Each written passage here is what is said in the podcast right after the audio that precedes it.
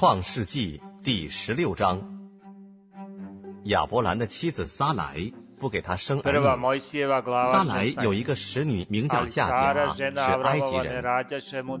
撒莱对亚伯兰说：“耶和华使我不能生育，求你和我的使女同房，或者我可以因她得孩子。”亚伯兰听从了撒莱的话。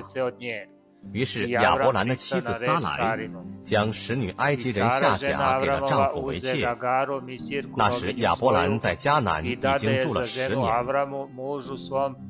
亚伯兰与夏甲同房，夏甲就怀了孕。他见自己有孕，就小看他的主母。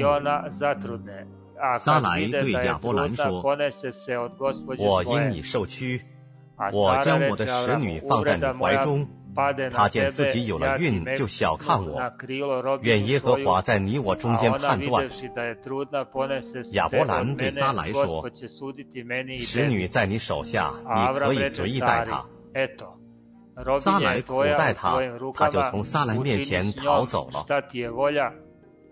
耶和华的使者在旷野舒尔路上的水泉旁遇见他，对他说：撒来的使女夏甲，你从哪里来？要往哪里去？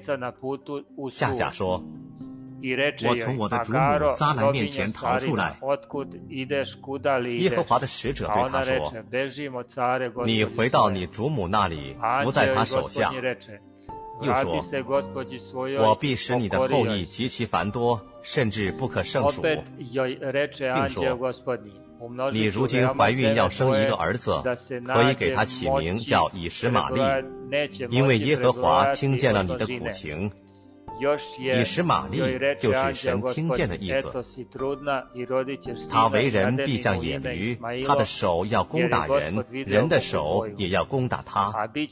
他必住在众弟兄的东边。夏甲就称那对他说话的耶和华为看过人的神，因而说。在这里我也看见那看过我的梦所以这井名叫毕尔拉海莱这井正在加迪斯和巴列中间后来，夏甲给亚伯兰生了一个儿子，亚伯兰给他起名叫以实玛利。夏甲给亚伯兰生以实玛利的时候，亚伯兰年八十六岁。